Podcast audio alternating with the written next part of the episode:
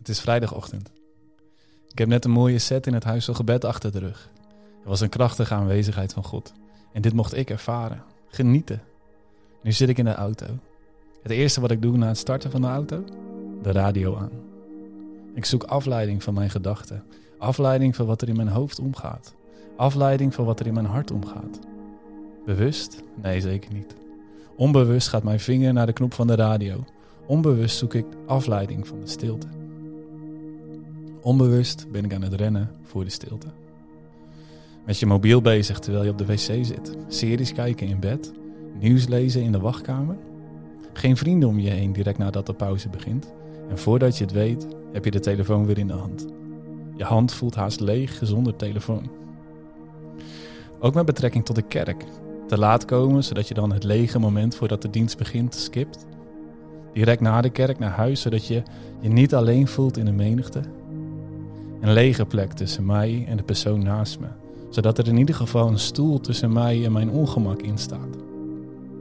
Of tijdens het aanbidden, alleen kunnen aanbidden als een lied gezongen wordt dat ik leuk vind.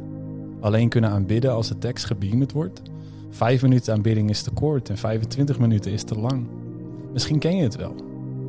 Kan het zijn dat we onbewust rennen voor de stilte? In 1 Koningin 19, vers 9 tot 13, lezen we over Elia, die ook op de vlucht was. Hij zwerft door de woestijn in, 40 dagen en 40 nachten onderweg naar de berg Horeb. Ik kan me voorstellen dat hij uitgeput was. En dan lezen we dit. Hij ging daar een grot in en overnachtte er.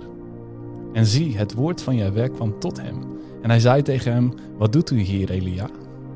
Hij zei, ik heb mij zeer voor Jahweh, de God van de legermachten, ingezet. De Israëlieten hebben immers uw verbond verlaten, uw altaar omvergehaald en uw profeten met het zwaard gedood. Ik alleen ben overgebleven. En zij staan mij naar het leven om het mij te benemen. Hij zei, ga naar buiten en ga op de berg staan voor het aangezicht van Jahweh. En zie, Jahweh ging voorbij. En een grote, sterke wind, die bergen spleet en rots in stukken brak, voor het aangezicht van Jahweh uit. Maar Jahweh was niet in de wind. Na deze wind kwam er een aardbeving. Maar Jahweh was ook niet in de aardbeving. Op de aardbeving volgde een vuur, maar Jahweh was ook niet in het vuur. En na het vuur kwam het zuizen van een zachte stilte. En het gebeurde toen Elia dat hoorde, dat hij zijn gezicht met zijn mantel omwikkelde, naar buiten ging en in de ingang van de grot bleef staan. En zie, een stem kwam tot hem, die zei, wat doet u hier, Elia? Gods vraag is hetzelfde. En als je verder leest, zie je dat Elia's antwoord ook hetzelfde is. Maar er is wel degelijk iets veranderd.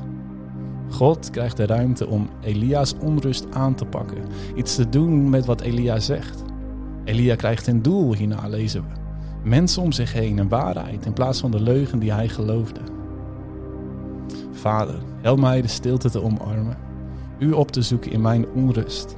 Help me om in de rust, na het laten uitrazen van mijn, mijn gedachten en gevoelens, tot u te komen.